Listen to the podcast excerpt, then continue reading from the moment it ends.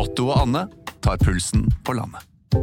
Ja, det gjør vi. Jeg heter Otto Jespersen, og hva var det du het igjen? Jeg heter Anne Grosvold, og hver uke har vi med oss en interessant gjest. Det har vi. Otto og Anne tar pulsen på landet, hører du der du hører podkast. En podkast fra Podplay. Ready? You have the cameras rolling? He was hosting boozy parties in Downing Street. Well, when the president does it, that means that it is not illegal. I have a dream. We will win this election and we will change the country together. Vet du hva? Sindre er en selvstendig mann, og jeg er grådig glad i han. Velkommen. Jeg er Eirik Bergesen. Jeg er ikke Sofie Høgestøl, som ikke er i studio i dag, men skal ringe inn fra Arendalsuka nå ganske snart.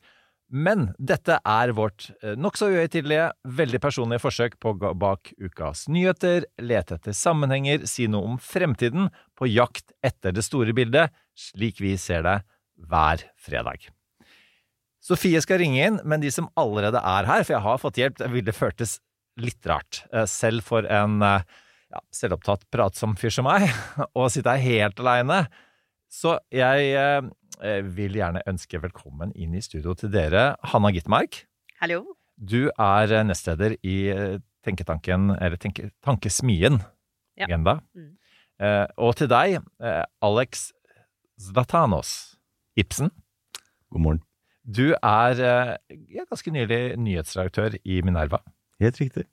Du har inntil nylig vært eh, Forklar selv. Jobbet mange år i Høyres stortingsgruppe som rådgiver, og på slutten så var jeg, skal jeg trekke pusten da, utenrikspolitisk seniorrådgiver for Høyres stortingsgruppe Nettopp. frem til sommeren. Og nå er jeg nyhetsredaktør i Minerva. Ja. Nettopp.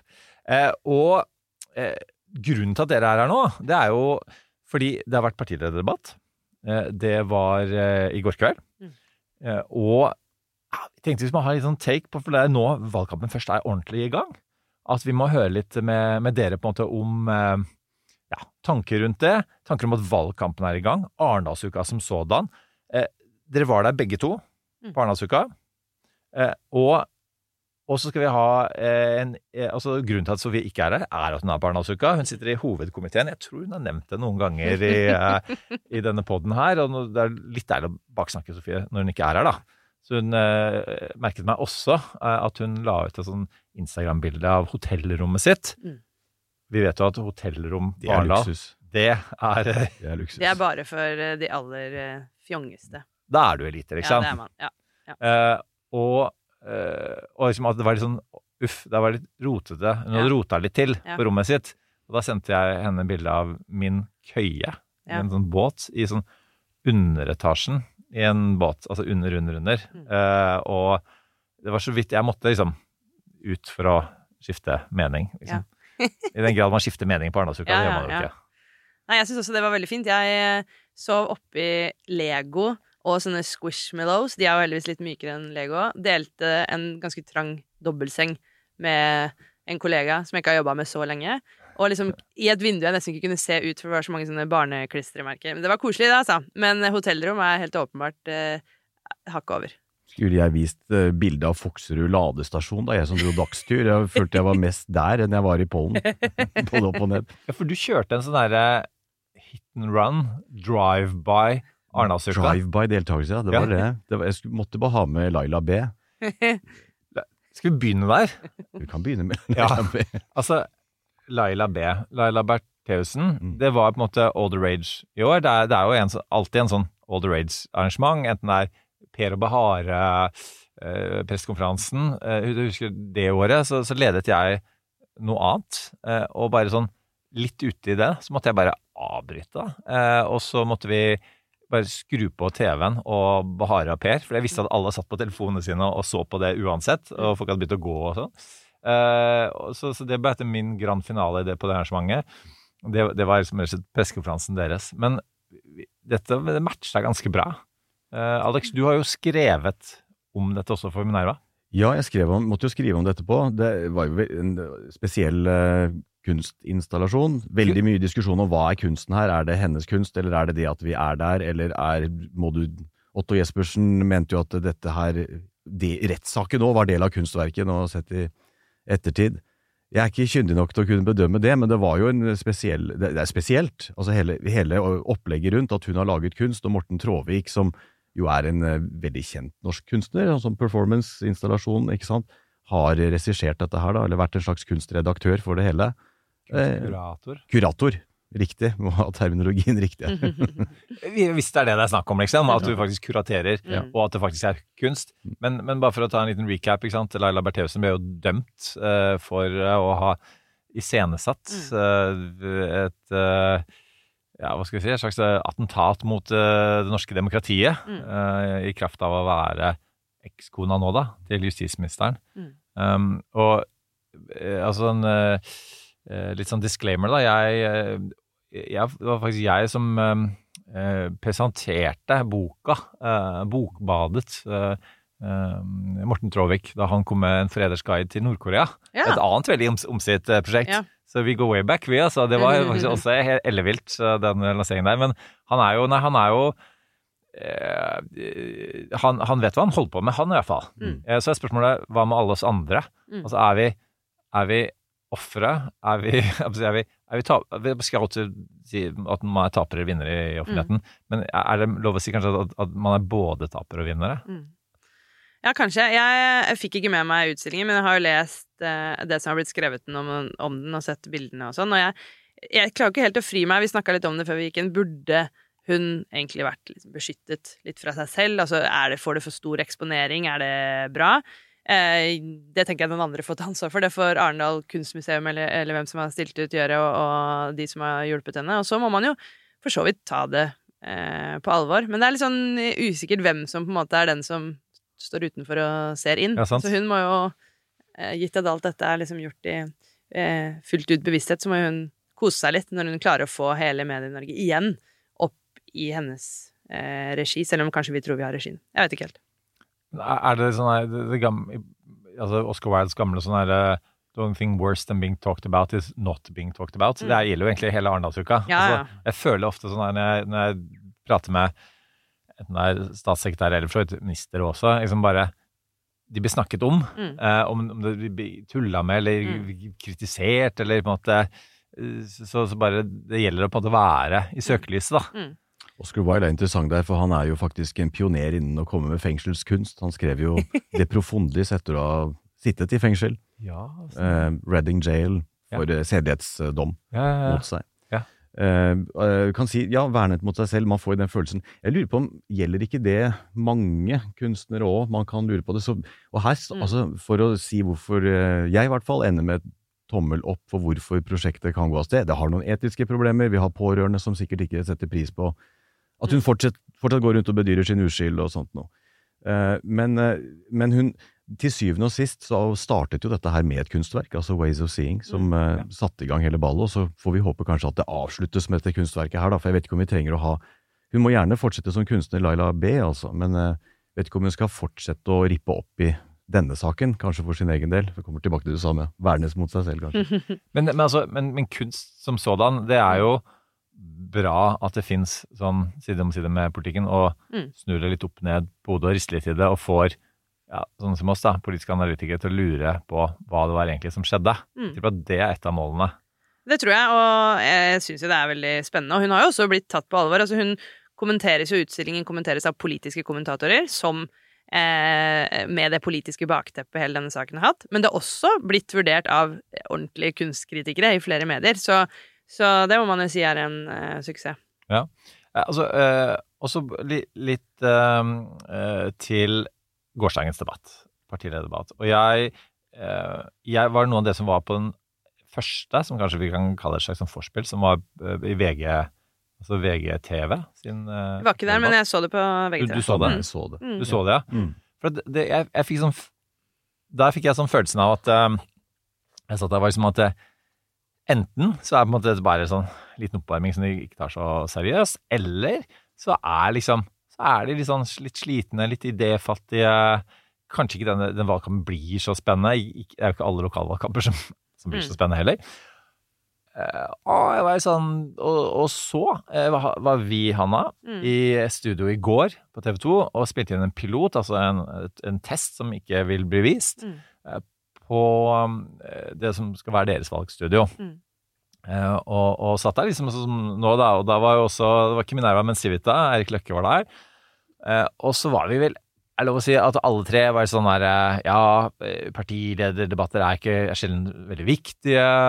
Um, ikke noen sånn enorme forventning til hva som skulle skje, osv. Og, så og så skrur jeg på TV-en, og så fra første sekund, føler jeg, Mm. så var eh, ekstremt påskrudde programledere. Mm. Ekstremt påskrudde politikere. Eh, og litt sånn her eh, en bekjennelsessynd, da. Jeg, jeg, det hender at jeg ikke alltid fullfører eh, tittingen av sånne partilederdebatter. Den her varte jo også over to timer. Men altså, jeg satt klistret fra begynnelse til slutt, og eh, litt sånn heia partipolitikk, altså. Mm. Eh, jeg jeg syns at det vi fikk var Så er man selvfølgelig uenig i løsningene på de ulike partiene osv. Og, så og så var det noen som var litt heldigere og litt uheldigere med utspillene sine, og det skal vi komme litt tilbake til. Men som, som, som helhetlig, da. Hva var, hva var deres på en måte Var dere like positivt eh, overrasket som Ja. var? Jeg gleda meg jo veldig. Jeg syns det er høytid. Jeg syns det er altfor få partilederdebatter både gjennom valgkampen og, og mellom. Så jeg hadde gleda meg veldig. Og jeg, men jeg er også helt enig med deg. Jeg syns den første på VGTV, selv om det også var god programleder der, var litt sånn avventende. Eh, mens i går var det eh, mye eh, tøffere fra start. Og jeg syns også eh, mange klarte seg overraskende bra. Og det var ingen som Jeg syns ikke det var fullt mageplask eh, for noen. Og så syns jeg, som du også nevnte, at programlederne var veldig gode. Jeg synes jo, Det hender jo at både programledere og politikere får helt overtenning. Blir liksom for aggressive. Eh, mister poenget og fokus og sånn, og det syns jeg ikke. Så jeg syns det var spennende. Jeg så også fra start eh, til slutt, og de hadde jo litt sånn De har vel prøvd det litt før, men skifta litt mellom formatet med alle ni til litt mindre eh, dueller. Og jeg syns noen av de kanskje var litt lange, men det er veldig befriende likevel, for nå er det mange eh, partiledere. Så alle fikk eh, snakke eh, mye, syns jeg. Så jeg syns det var en eh, veldig god, eh, god debatt. Jeg syns det var en bra start. Jeg håper at det blir like mye energi gjennom eh, hele valgkampen. Helt enig. Det var eh, full fart ut av startblokka på alle, og jeg syns eh, arrangørene her skal ha litt ros, og også programlederne, fordi de tillot en viss spontanitet som ikke har vært så mye der før. Det at det liksom eh, DN ringer inn, vi har fått på øret at DN er misfornøyd med fremstillingen av en Ja, det var kjempegøy. Høyres pressegruppe Ja. har ringt inn og likte ikke, måtte bare presisere, har tilleggsopplysning Ja. til noe som ble sagt. Og dette er videreformidlet eh, programlederne helt strålende, gir Ja. en smidighet og spontanitet, og egentlig sånn interaktivt med, med verden rundt, da. Men stopp deg der, da, Alex. Um, altså, Høyres uh, Altså Høyre Ja, det var ikke meg. Ja, men, men, men, men, så, men ringer inn i debatten og vil korrigere noe. Altså Er det i utgangspunktet en god idé?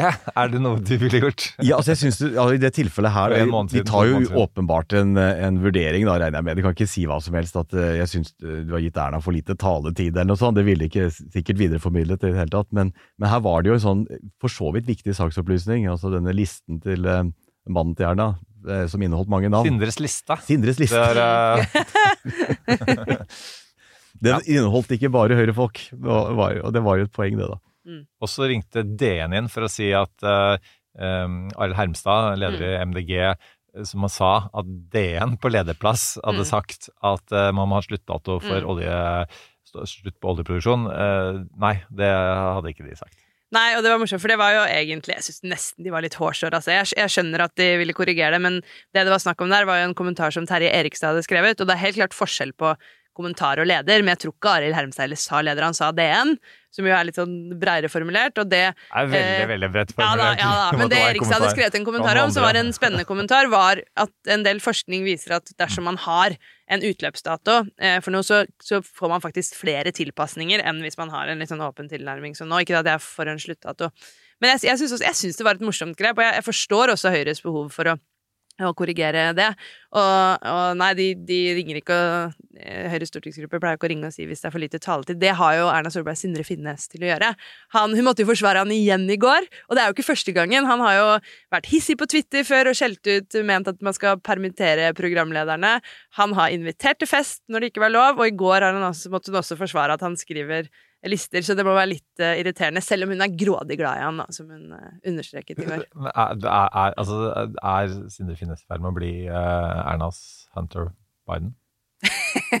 Han er jo så hyggelig og sjarmerende. Det er kanskje ikke et argument, det, det, det regner jeg med Hunter Biden er òg. Nei, jeg, tr- jeg tror ikke det. Han er noe han er jo en, eh, en eh, erfaren fyr. Og dette, her viste, dette var jo en sak som var ganske gammel da. Dette var listet tilbake til eh, 2013. Jeg holdt på å si, Det er mange statsministerperioder siden. Men, og, og jeg mener selvfølgelig ikke å sammenligne de tos livsførsel, Mm. men det er på en måte at du har noen som er litt sånn tett, tett på deg, da. Mm. i, som, som ikke har et politisk verv. Mm. Det har du vært før i politikken. Og du har jo Arne Olav Brundtland som, som Ja. skrev boka 'Gift med Gro', og det er jo flere ektefeller og, og Eli Hagen osv. som både har skrevet bøker og vært eh, prominente i offentligheten. Men, eh, men så er det der når du da prøver å si at eh, Sindre er en selvstendig fyr Mm. og er grådig glad i osv. Mm. Det er jo egentlig det Biden nå prøver å gjøre, da. Ja. I å si at Hunter er Ja. en selvstendig fyr, han gjør det han gjør. Og, og Mm. det var jo på en måte et strategisk valg av Biden veldig tidlig, hvor han sa at han skal få lov til å holde på med sine forretninger, men Mm. jeg skal ikke ha noe med det å gjøre. Mm. Så, så mente jo Obama-delen av administrasjonen den gangen at ja, kanskje du skal blande deg inn likevel, og så bare si at han ikke skal Mm. ta styreverv i Kina Mm. eh, og Ukraina osv. Så, videre. Mm. så det er jo alltid en balansegang. Så det er bare med å si at eh, eh, ja, ja, jeg er jo gift med den personen, men jeg har ikke noe med Mm. direkte med deres eh, tanker å gjøre når laden. Og Mm. Det er alltid litt sånn tricky. Ja, det er jo Selv vanskelig. i. Norge? Det er vanskelig. Jeg syns for så vidt Erna kom seg godt ut av det. Hun var eh, Det var greit å legge skylda på, eh, på Sindre. Og så er det jo liksom vanskelig å tro at jeg, Helt sikkert riktig at hun ikke har sett denne listen, men at det ikke har vært snakket om eh, hjemme hos henne og sånn, jeg vet ikke, det er litt vanskeligere å tro på.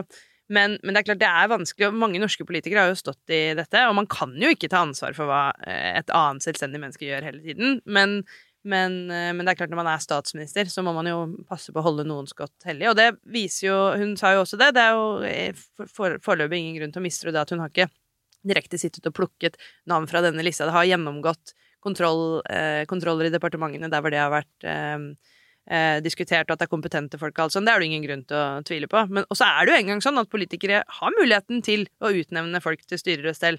Eh, og at det er mye i det systemet som kanskje må endres på, eh, er det mye som eh, tyder på, da. Men jeg syns for så vidt Jeg synes Erna Solberg har en tendens til å bli veldig sur ofte når hun får eh, spørsmål om mer sånn private ting. Hun kan bli Mots- veldig I motsetning indignert. til uh, Jonas Gahr Støre. Jeg syns hun blir surere. Jeg syns hun blir, er liksom litt arrogant og kan bli veldig sånn åh, Det er jeg 50 shades av indignasjon Ja, hun kan bli mellom de, da. veldig Absolutt. Men jeg syns i går jeg så mange mente at hun ble veldig sur og forble sur. Det syns jeg ikke. Jeg syns hun klarte mer enn før å svare liksom hun skjønte hun måtte svare på det, og svare liksom og til slutt liksom komme med litt sånn morsomheter om Sindre Finnes til slutt. Jeg syns hun kom seg greit ut av det. Eh, altså, Er- Erna sa en gang at eh, For noen mener jo kanskje til og med at hun har litt sånn, sånn, sånn et sånn smil som er litt sånn som man på um, engelsk ville kalt for smug, Ja, ikke sant? ja. Eh, eh, smil. Men, men hvor hun forklarte en gang at, at, eh, at grunnen til at hun smiler når hun ikke snakker, er at eh, hun tidligere ble beskyldt for å ha resting bitch face. Ja, nettopp. Fordi da var hun bare konsentrert, og da virket hun sur, eh, Ja. for eksempel.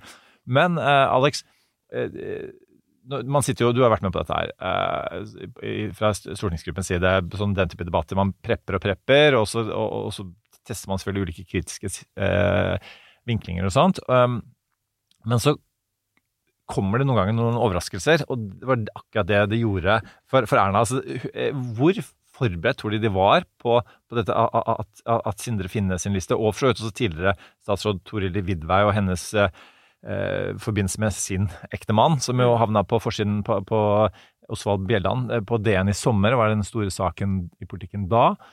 Eh, altså, hvor, hvorfor, når, når sånn, noen sånn kommer, og du kanskje ikke er så godt forberedt, da, hva, hva, da, da, da er det litt kaldsvetteste på bakrommet? Jeg tror, eh, jeg tror de var veldig godt forberedt, skal jeg være ærlig. Fordi denne DN-saken var jo stor, og det betyr at jeg har jobbet lenge med den, og det har vært mye frem og tilbake. Den har nok ikke, den har nok vært- liksom holdt rundt Ernas eh, indre stab, hele behandlingen av den fram, og de visste nok utmerket godt når den kom i debatten, og hva som ville være beskyldningene. Eh, Så de var nok veldig godt forberedt, tror jeg, rundt det. Så ikke spontanitet på den måten. Hvis jeg bare, mens jeg husker det, kan legge til akkurat det med spontanitet. fordi ja, før sånne debatter, to timer, eh, alle har øvd inn talepunkter, eh, nøye forberedt og groomede punkter. Det er ikke de man husker. Man husker spontaniteten som kom Jeg husker best at denne debatten for meg er Nå har jeg lært at det heter 'Min hånd er ikke stusslig'. ja. Beste one-lineren jeg har hørt fra Støre, og den er så Støre. Jeg mener det i beste mening, altså. Det er bare han som kunne formulert seg på den måten. Min hånd er ikke stusslig. Den andre var eh, Martinussen, altså nye Rødt-lederen, som eh, helt på sparket åpenbart får en sånn en litt underlig et oppspill fra Fredrik Solvang, hvor han sier 'Vil du hoppe etter Wirkola?' Altså etter Bollestad. Mm. Etter Wirkola i dette tilfellet. Og hun svarer 'Det gjør jeg jo hver dag'. Mm. Med en elegant, et elegant nikk til Moxnes, altså forgjengeren. eh, Det er de tingene jeg husker best av de som ble sagt, ikke de der puggede punktene. For, for hun hadde jo sin debut, Ja. eh, og, og det, jeg hørte en gang en sånn der, en, sånn, en, sånn, en, en um, eh, interessant uh, betraktning rundt partiledere. og det var faktisk Solveig Barstad, altså, som er, er i TV 2, har, har TV 2 Hjelper deg, og som eh, da tilfeldigvis er, er gift med Jan Tore Sanner. Vi, uh, det dette taxi en gang, og så, så sa hun bare sånn Det, det tek Jeg tar det, jeg tar, prøver bare direkte. Kom igjen. Det. Det, det, tek uh, ti år å bli partileder. Og bare sånn herre Ja, faktisk. Altså, det tar ganske lang tid å på en måte etablere seg, få den pondusen, få den autoriteten. Eh, liksom få, få ja, det, det vi egentlig snakker om, en, tillate seg en spontanitet, og ha på en måte eh, ha en humor som ikke er for forhåndsplanlagt, da. Mm. Eh, og um, Eh, og, og, og sånn sett så eh, Altså alt fra Jonas som var Super-Jonas, til, til, til Sylvi som, som hadde sin, sin stil, strever Mm. ganske mange år for å etablere seg. Eh, og, og, også, men så kommer altså da eh, Rødts nye partileder, kanskje fordi hun tross alt har vært nestleder i elleve år Mm. og vært tett på, men å bare Og det var store forventninger, for at eh, det skapte hun selv da hun overtok på den pressekonferansen. Og bare nailer det. Mm. Første forsøk. Hva, hvordan fikk hun til det? Jeg må si jeg var veldig imponert. Og det er også første gang jeg registrerte i går at VG Nå husker jeg ikke hva hun fikk, fire eller Men VG har jo VG er jo Fem, tror jeg, VG, Fem, hun fikk fem, sånn faktisk. og- og VG er jo ikke spesielt glad i Rødt og har jo alltid konsekvent trilla en ener på terningen for Bjørnar Moxnes. Men det var virkelig fortjent. Jeg syns hun var eh, kjempegod. Hun var avslappa, hun snakka rolig, hun var morsom. Ehm, og så har hun på en måte et eh, kjernebudskap, og det er jo litt sånn Når man diskuterer eldreomsorg, så handler det om lønn og arbeidsvilkår, og jeg tenker at det vært fint å bredde ut liksom, disse argumentene sånn etter hvert, men jeg syns hun var eh, kjempegod. Men jeg har sett henne flere ganger og har det samme inntrykket. Jeg så henne også under Arendalsuka i en debatt med Christian Ringnes om formuesskatt og arveavgift. Hun er knallgod, hun er morsom. Hun framstår ikke som en sånn sur, gammel AKP-er. Um, så jeg, jeg, jeg syns det lover veldig godt, og jeg tror dette er jo litt skummelt for SV, som har en partileder som kommer fra akkurat samme område. Eh, så jeg tror for folk flest er det liksom to damer på venstresiden fra, som snakker samme dialekt, og den ene er veldig morsom og avslappa, den andre er mer eh, Jeg vil si i går Jeg syns hun klarte seg bedre, også Kirsti Bergstø, enn tidligere, men mer teatralsk og mer dogmatisk enn altså en partileder som er enda lenger til venstre. Så jeg syns dette blir veldig spennende å følge med på. Ja, fordi én ting er på en måte sånn karismaen og så videre, men en annen ting er på en måte det er, Du snakket om altså, sur, gammel AKP-er. Altså, det var en sånn glideflukt der fra Kirsti Bergstø i løpet av Avslutta med bankran til slutt, ikke sant. Hun starta Jeg syns hun, hun er ofte litt mer sånn dogmatisk enn andre eh, SV-er, og dette ryk og reis og litt sånn Hun kan se veldig sånn intens og sint ut noen ganger. Jeg syns hun starta et annet sted, mer eh, rolig, had, eh, snakka liksom litt rundere, og så avslutta hun på slutten med bankran og dagligvarebaroner og litt sånn mer kjent stil. Og den type det kan, altså Marie Sneve Martinussen har jo noe av den samme retorikken, men hun uttaler den på en annen måte. Så det er ikke alltid bare ordene, men også liksom Ja, altså, så den skalaen så, så, så, i- hun, Plutselig var hun tilbake i SU, og Mm. så var hun avsluttet hun nesten i AKP. Altså Hun plasserte seg nesten til venstre for, eh, altså for eh, Sneve Martinussen på slutten der, da. Ja, det er kjempe, og meg er helt enig. Altså, hun eh, kommer til å bli et eh, problem for SV. Altså. Eh, eh, og vi var jo vant til, egentlig sier to damer, vi var jo vant til to sånn eh, postmoderne, kjekke, flinke menn i Mm. Lysbakken og Moxnes, inntil veldig nylig. Mm. De fant jo en eller annen Jeg har ennå ikke klart å analysere meg hvordan, Mm. hvorfor funket det for begge partier. Men det gjorde det, åpenbart. Begge Mm. vokste. Så de hadde en eller annen slags arbeidsdeling der, Mm. uformell. Eh, får vi se da om SV og Rødt klarer det med eh, Martinussen og Kirsti Bergstø. Men eh, Martinussen, utrolig sterk. Eh, får også fram hun, vi, vi så jo talentet hennes eh, før òg, altså før hun ble partileder, eh, med en del sånne elegante spissformuleringer om eh, skatteflyktninger og flyktninger fra Ukraina og setter opp mot hverandre. og eh, Ikke opp mot hverandre på den måten, men at det, det er det eh, eh, det, det er den eh, friksjonen som egentlig ligger der, når vi skal ha solidaritet med den ene og den andre osv. Utrolig dyktig og vanskelig for SV. Mm. Hvis vi ser på altså, programlederne altså, Det er jo en annen kanal enn der, der jeg pleier å prate mest. eh, altså uh, NRK. Og det er, det er jo det er et kjempevanskelig format. Ikke sant? Du har uh, x antall partiledere, kjempeerfarne og, og trente de fleste, eh, som, som da på en måte skal eh, Som du skal dirigere. Og eh, jeg- første gang jeg skulle lede en sånn partilederdebatt på et sånt arrangement for en organisasjon, så måtte jeg spørre en sånn en trent eh, programleder om, om hvordan man gjør det. Altså sa han bare du må bare de fleste, altså Her åpenbart var folk påskudd, men de fleste er ikke påskudd. For at de har så mye annet at de bare noen ganger bare dukker opp på et arrangement. bare sånn, La oss bare se hva dette er for noe, liksom. Hvem i all verden booka meg til dette her? Dette gidder jeg ikke å investere noe særlig i. Uh, så, så det handler om eh, å det hele tatt bare få det interessert. Mm. Uh, og så du må liksom, som man sa, du må liksom tenne en sånn gnist, og så må du flamme opp. Og så må du på en måte prøve å kontrollere den ilden Mm. uh, som da oppstår, forhåpentligvis. Mm. Um, hvis ikke så er, er det bare er det bare sånn død vann fra begynnelsen av. Uh, og så av, eh, på en eller annen måte så, så klarte jeg det. Eh, jeg aner ikke helt hvordan, og så plutselig så hadde for jeg liksom sto i midten, plutselig hadde jeg liksom noen der partiledere på begge sider som hang over hverandre med Mm. fingre, replikkfingre og saksopplysninger og alt Mm. mulig. Og, plutselig, og så plutselig var det over en mm. time senere. Eh, og, og, og på en måte men, mens, Og hvis du prøver å kontrollere det for mye, Mm. så ender man opp med Jeg skal ikke nevne noen navn her, men, men, men noen eh, eh, programledere for den type debatter som hvor da, da politikerne Det er en sånn Ja, de er forskjellige partier, men det er en sånn litt sånn interessemotsetning opp mot media. Så hvis Ja. de føler at hei, nå prøver media å Mm. styre for mye, da rotter de seg sammen mot deg, og da har du ikke sjans, for de er mange flere enn deg. Mm. Eh, og da saboterer de ganske eh, effektivt den debatten. Mm. Eh, og det har vi sett også noen grelle eksempler på. Mm. Så mens, mens her syns jeg de traff veldig sånn tonen. Eh, både Fredrik Solvang, som er veldig god Han er en slags sånn orkesterleder ofte. Han er veldig sånn Mm. derre Jeg vil så holde meg til metaforer med disse flammene, da. Til å på en Mm. måte styre de flammene underveis. Um, mens, mens nå med, med Bjurstrøm uh, så klarte han å holde oversikt. Og det Mm. ble som noen god trøkk. Det var liksom ikke, fada ikke inn og ut med trøkket. Mm. Det holdt seg ganske hele veien. Mm. Vet ikke hvilket inntrykk dere, dere hadde. Ja, veldig godt inntrykk av eh, Altså, der hvor det virkelig eh, slo gnister, var jo Vedum eh, og Sylvi. Ja. Eh, Den, den, det buret fikk de rista godt. Og det gjorde de aleine. Da var det jo den runden hvor de ikke Programlederen Det ikke var på med, runden, sant? ja, duellen deres. Ja. Mm. Og jeg tror dette er litt sånn typisk som ikke blir så bemerket, fordi eh, Frp har noe, er ikke så populære i eh, Akersgata, for å bruke litt sånn eh, slitt eh, metafor. Men her, eh, her tror jeg også Høyre pustet litt lettet ut, at eh, Sylvi omsider gjør det Høyre håper hun gjør. Hun skal ta Senterpartiet. Mm. Slutt å kritisere Høyre. Gå på Senterpartiet, så kan Høyre ta seg av Arbeiderpartiet. Men dette var jo de linjene hun leverte mot eh, Vedum. Og så må vi liksom se Nå er det formen her jeg snakker om, da, for at hun er jo litt sånn sveipete med fakta og svarer jo ikke på det Vedum eh, konfronterer henne med. Men der var jo Frp slam poetry, altså det hun leverte. Frp slam poetry, ja. Ja, jeg så også hun fikk ikke noe sånn eh, voldsom score fra kommentatorer. Jeg syns hun, hun eh, var god i den duellen. Jeg syns også Vedum var god. Jeg syns de var eh, Jeg syns de Ja, de spilte liksom så ut som var omtrent på samme nivå. Spilte hverandre gode. Ja, jeg syns det. Eh, og de er jo fæle med hverandre, da. De er det. Jeg må si, det gjør jo litt sånn vondt å se på, men jeg syns jeg tror de fikk inn de poengene de må ha. Og så er jo selvfølgelig Vedum blitt finansminister nå og må snakke på en annen måte. Det var nesten, Jeg satt sammen med en som nesten ble liksom rørt over hvor, hvordan mye av disse populistiske tingene forsvinner, når man faktisk må stå og ta ansvar for helheten, som jo er mye vanskeligere når du er Senterpartiet.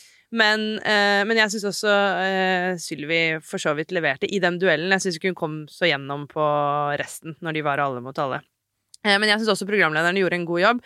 Jeg personlig, der er vi jo forskjellige, jeg eh, liker ikke når programlederen blir alt, altså De blir veldig sinna og framstår med en enorm som egen agenda. Det syns jeg både Atle Bjurstrøm og Fredrik Solvang har gjort tidligere. Men jeg syns de var eh, kjempegode. Jeg likte også eh, disse litt sånn spontane, og at de også eksempel plutselig ga Bollestad litt tid fordi hun hadde fått mindre tid i duellen. At man klarte å liksom plukke opp eh, noen sånne eh, ting underveis. Eh, og så syns jeg de framsto veldig kunnskapsorienterte og hadde liksom noen sånne ting de kunne arrestere eh, programledere på. Jeg syns kanskje den første tillitsrunden eh, hvor alle, hvor fire programledere måtte svare, både eh, Trygve og Jonas og Erna og Marie, var litt lang, og jeg er litt usikker på hvor viktig altså Helt åpenbart viktig for velgerne, men inn i lokalvalget så så vet jeg ikke helt. Men jeg syns, eh, syns disse duellene også var en sånn fin avveksling. Eh, og jeg syns for så vidt alle klarte seg ganske greit. Igjen, Marie Sneve Martinussen var jo Hun avsluttet jo liksom på sekundet, altså hun, mens andre hadde igjen litt tid, brukte litt for mye. Så jeg syns hun også Kirurgisk Ja, presisjon helt, på de eh, 25 vanvittig. sekundene. Ja, og ventet ved en anledning med å starte til eh, klokka klang for Ja, ja, ja, ja. Altså for ikke å snike til seg noen sekunder til. Ja. Jeg vet ikke, Det sier vel litt om personen. Er jo- Men, men, altså, men for å ta den, den første runden, og det, som jeg, det jeg likte med det, var jo på en måte at, at, at nå har jo ja, om ikke alle partier, så iallfall begge sider av, av politikken, hatt sine skandaler. Og det er, er ganske oppsiktsvekkende ting. Eh, Det er eh, og det er åpenbart eh, at, eh, at mange velgere eh, på en måte er, er forbanna, eh, med god grunn, eh, for, for både altså, disse statsrådavgangene og andre ting som har, har skjedd. da. Um, og og som, så på en måte synes jeg det var fint at de fikk, om ikke kvittert ut, for det, gjør- det, det, ting skal jo til kontroll- og konstitusjonskomiteen mm. fortsatt og så videre, men måte, de hadde eh, de fikk iallfall lov til å svare litt ordentlig på det, eh, og det var rimelig godt forberedt, selv om selvfølgelig ikke alle forklaringene henger helt logisk sammen eh, fortsatt. Og, og der hvor Støre er mest pressa på, er jo på en måte eh, at én av to eh, statsråder som, som ga venner eh, styreverv, fortsatt sitter i, som statsråd. Mm. Eh, men, men på en måte de eh, jeg, jeg synes De lot seg ikke presse for mye av, av programlederne heller, da. Nei. Eh, de klarte å stand their own, som Ja. Sofie ville sagt hvis hun eh, var her. Ja, jeg syns de svarte Jeg syns liksom, som sagt, at Erna kom seg godt ut av uh, den uh, runden. Og jeg syns også Støre klarte å svare ganske godt. Poenget hans var jo at uh, mens Anette Trettebergstuen var helt sikker på at hun var inhabil, så og utnevnte noen likevel, så var, ikke, så var ikke det like tydelig for Tonje Brenna. Og det er masse spørsmål man kan stille rundt det, men jeg syns han Ja, for eksempel, å burde ikke dette vært tydelig for Tonje Så- Brenna? Jeg vil for eksempel. spørsmålene. Eh, For eksempel. Men jeg syns han klarte, hadde liksom bestemt seg for en måte å skille de sakene på som jeg syns framsto ganske eh, ok. Jeg syns Marie Martinussen igjen har jo vært ganske hard mot Bjørnar Moxnes. Er veldig tydelig på at hun fikk feil informasjon, og når hun fikk riktig informasjon, så var det helt åpenbart for henne at, eh, at han eh, valgte riktig. Hun sier jo fortsatt at det er han som valgte å gå av, men at hun var helt enig i det. Og, og hun påpekte også det som jo også er helt sant, at, at tross alt, uansett hvor dumt det solbrilletyveriet var, Ja. så var var det ingenting som hadde med skattebetaleres penger eller eh, eh, måte hans politiske verv eh, å gjøre.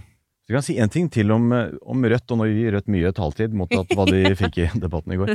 Eh, veldig interessant å se framover med Martinsen, er, eh, er hvordan hun eh, forholder seg til noe som åpenbart er en litt sånn friksjon innad i partiet der. Det er jo, alle partier består jo av koalisjoner, av, av ulike grupperinger. Syns det kom veldig tydelig frem eh, rett etter at Moxnes gikk av. Mimir Kristiansson skriver på Facebook kan vi i alle fall være takknemlige for at eh, Moxnes har bidratt til at norsk venstreside ikke er et woke-reir. Mm. Så kommer diverse støttespillere i kommentarfelt at hva mener du med woke-reir? Jeg er veldig opptatt av transefolks rettigheter. Mimir må svare ja, det er jeg også. Jeg, jeg, og så kommer en annen og sier at jeg er veldig opptatt av antirasisme. Ja, men det er jeg også. Så til slutt, jeg, da var vi et woke-reir, da? Eller hva, hva er poenget? Hvordan forholder hun seg til det, den eh, friksjonen der framover? Ja. Altså de som sier at eh, hei, du sier woke-reir som om det skulle være noe negativt. Ja, ja. Ja. Ikke sant? Men jeg syns også bare en sånn siste ting om dette tillitssaken. Jeg syns jo også at det dukker opp nå denne saken rundt Høyre. Jeg syns det, det tyder jo på at det var helt åpenbart Arbeiderpartiet som har gjort seg skyldig eh, flest ting nå, men det tyder på at det er en del ved dette regelverket som enten Altså, jeg vet ikke om det er for vanskelig å forstå, men at det er for lite kontroll rundt dette regelverket, og at dette med å få inn sine representanter i, eh, i makt, eh, verv med makt er viktig for partiene. Og det er jo ikke så rart, men spørsmålet er jo om det systemet er riktig innrettet da. Selv om jeg syns jo det er rart at man skulle på en måte risikere liv og lemme for å få plassere noe man kjenner i Norsk Folkemuseum. Altså Jeg skjønner ikke helt hva slags liksom, makt det gir i det norske samfunnet. Men jeg, jeg syns at den debatten må vi eh, holde på eh, framover, og det blir veldig spennende å se hvordan den saken spiller seg ut i kontroll- og konstitusjonskomiteen. Tror du um, Arbeiderpartiet med en sånn type Arbeiderpartihat som har vært ute der, er mer sårbar for den type saker enn andre partier? At det er større sannsynlighet for at de, At de gjør seg skyldige i det, tenker du, eller at de blir kritisert for det? At de blir dømt hardere på det? Det tror jeg for de har jo en Altså, det er jo den typiske myten om Arbeiderpartiet at dette er det de gjør, ikke sant? Og det er jo for, for så vidt delvis rett. Arbeiderpartiet har styrt Norge i så mange år og har mange folk som eh, både har kompetanse da, eh, til å stille i ulike verv, men også fordi det har vært en slags maktarroganse i det partiet, og en, et ønske og en vilje til å fordele eh, makt eh, mellom seg seg selv. Ja, noen har snakket sammen. Ja, og det kan godt hende noe av dette også henger igjen, men jeg tror, eh, selv om jeg skal ikke liksom frikjenne Arbeiderpartiet her, så tror jeg også dette gjelder flere partier. Det kan godt hende det er en kultur i departementene og også i, i partiene. Så jeg er spent på liksom den diskusjonen framover. Jeg tror vi kommer til å se at vi, vi må ha noen eh, endringer. Mange, jeg vil jo tro at mange egentlig, særlig fordi Støre leverte med en ganske innlevelse og, og på den måten troverdig. Eh, han klarte jo å skape et skille mellom de to sakene med Trettebergstuen eh, og, med, og med Brenna. Eh, og så kan du si at vel, her er det jo Er det noe god forklaring, da? At jeg var ikke kjent med regelverket jeg, er, jeg skal kjenne? Retningslinjene som jeg skal være kjent med. Er det en god nok unnskyldning for å kunne bli sittende? Det er jo det kanskje man sitter litt igjen med. Men samtidig, eh, jeg, dette er jeg veldig usikker på, hvordan eh, folk Mm. der ute tar det. fordi det kan også hende at de tenker at vel, han er statsminister, han må jo kunne velge sine statsråder. I hans øyne så var det en god nok Mm. grunn til å la den ene sitte. Eh, og så da blir det med det. Veldig vanskelig å spå hvordan reaksjonen blir på det. Mm. Altså, vi, hadde jo Torbjørn Røe Isaksen her i studio forrige uke, og, og han sa jo mer eller mindre at, at du Mange tror at det er sånn enormt apparat rundt dette med habilitet, mens egentlig er det bare at, at du, som Støre vidt sier da, sitter og tenker deg om Mm. i ditt eget hode og finner ut ja eller nei, eller eventuelt konfererer med, med en kollega. da. Eh, og, og som du sier, eh, Hanna, jeg tror det er veldig riktig at, at, at vi må rett og slett ha noe bedre regler på plass for, at, for å få en økt troverdighet. For den troverdigheten er ikke der nå, og, det- og det gjelder nok dessverre begge sider av politikken, og, og da er det ekstra, ekstra viktig. Men hvis, hvis vi tar eh, Hvis vi avslutter litt partilederdebatten og går videre på valgkamp da, med, med bare å kommentere det, er, det er to stykker vi ikke har snakket eh, veldig mye om, og den ene er, er Ole, Olaug Bollestad. Og, ja, det- ja, Alex. Det, det, det er jo faktisk uh, the dark horse her, da. Fordi vi vet jo hvem som ser debatten, er jo kjernevelgere. Altså det, det er en demografi som i hvert fall kan, i større grad har kunnet vurdere å stemme KrF. Ja, for det er knapt noen under 40 som ser partilederdebatt. Det er akkurat det. og det er sånn at det, liksom, Hvis, eh, hvis Sneve Martinussen er kjempefrisk, så kan det hende det er et rop i natten nå, egentlig. Mm. For tenk på seerne. Bollestad hun, hun kan jo da treffe sine. Og jeg synes det er vanskelig altså Hun er jo hun er fru Larkins på Instagram, og ikke sant, veldig morsom og, og kreativ eh, person. Og inderlig, altså Hun snakker om den sykepleierbakgrunnen sin. Det er med innlevelse, og det kan godt hende dette går rett hjem. Jeg tror liksom ikke jeg er sånn eh, kjernevelger Demografi, i hvert fall, på den måten. Så jeg aner ikke. Hun hadde jo det lange Jeg liksom prøvde å høre igjen litt i dag morges på Debatten, og du, hun hadde en sånn dette var jo eh, interseksjonell sosiologi, med at en student med en mor som er syk, som har vært offer for overgrep, og tenk på den. Og jeg tenkte her er jo, ja, Kanskje dette går rett hjem altså, hos noen med den inderligheten hennes, men jeg aner ikke. Nei, og sånn er det når man skal analysere det, så må man jo på en måte Jeg vet jo hvordan det treffer meg, det treffer meg ikke. Det var jo ekstremt patosfylt, og hun begynte jo nesten å gråte av seg selv. Eh, selv om jeg synes liksom hun hadde også en sånn eh, veldig sånn treffende one-liner som var liksom Jeg har vært sykepleier lenger enn jeg har vært politiker, og så tenkte jeg på å liksom se rundt bordet her, det er det ingen andre som En kan skilte one-liner med. med utløpsdato. det Med for utløpsdato, det er sant, det er sant.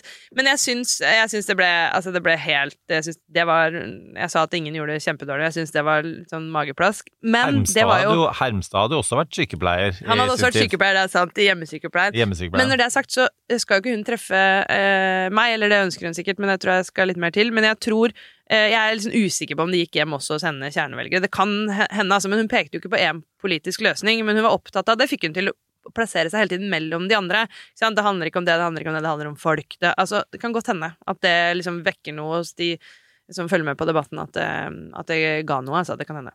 Ja, for strategisk sett så, så skal hun jo eh, kapre eh, Mm, mm. sentrum, og det, det er jo, blir der hvor det, det ligger mest, mest makt, em, potensielt. Eh, Men, det men klart at eh, altså hun hun er jo, altså Det med inderlighet, eh, Alex, det er jo ofte man savner hos politikere. Mm. Og, og det er jo sånn veldig deilig å høre det. Mm. Eh, og hun er jo Og det er liksom igjen Torbjørn eh, Røe her forrige uke som sa at, at, eh, at, at eh, hun er jo et eksempel på, på, på politikere som du kan like godt, og som, Mm. som personlig kommer veldig gjennom, men får det utslag i på meningsmålingene. Og nå Mm. ligger jo eh, KrF veldig, veldig dårlig an. Ja. Godt under sperregrensen. Mm. Og, og det er litt som du sier, Hanna, altså, hun, hun, man spør seg sånn, ok, men helt praktisk, politisk, Mm. hvilke forslag Mm. er det du faktisk vil fremme i Stortinget for å utføre det du eh, føler veldig for? Mm. Ja, det syns jeg ikke vi fikk noen ting av. Altså, hun har jo et bankende hjerte, liksom, spesielt for de ideelle. For den debatten om eldreomsorgen handla jo, handla jo veldig mye om hvem som skal levere tjenestene. Eh, men men hun, hun har liksom bankende hjerte for, for dem, men hun hadde ikke noen løsninger. Det var bare disse lange eh, analysene.